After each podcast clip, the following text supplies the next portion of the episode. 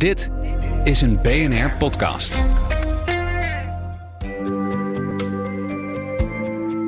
Wetenschap in het kort met Carlijn Meinders. De Europese ruimtevaartorganisatie heeft Nederland groen licht gegeven voor de bouw van twee nieuwe satellieten die wereldwijd uitstoot in kaart gaan brengen.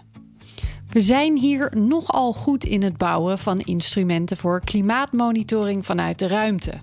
Zo spoort het Nederlandse satellietinstrument Tropomi al sinds 2017 wereldwijd het broeikasgas methaan op.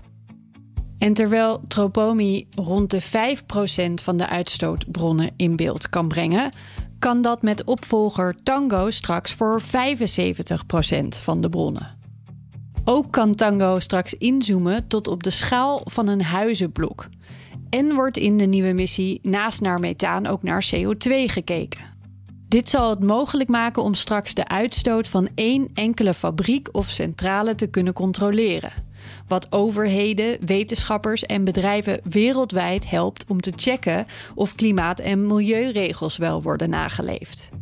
Want wat op papier wordt opgegeven, klopt lang niet altijd met de praktijk. Het duurt nog wel even voor de twee satellieten gelanceerd worden, aangezien ze nog gebouwd en getest moeten worden. Naar verwachting kunnen ze 2027 aan de slag. Wil je elke dag een wetenschapsnieuwtje? Abonneer je dan op Wetenschap vandaag. Luister Wetenschap vandaag terug in al je favoriete podcast-apps.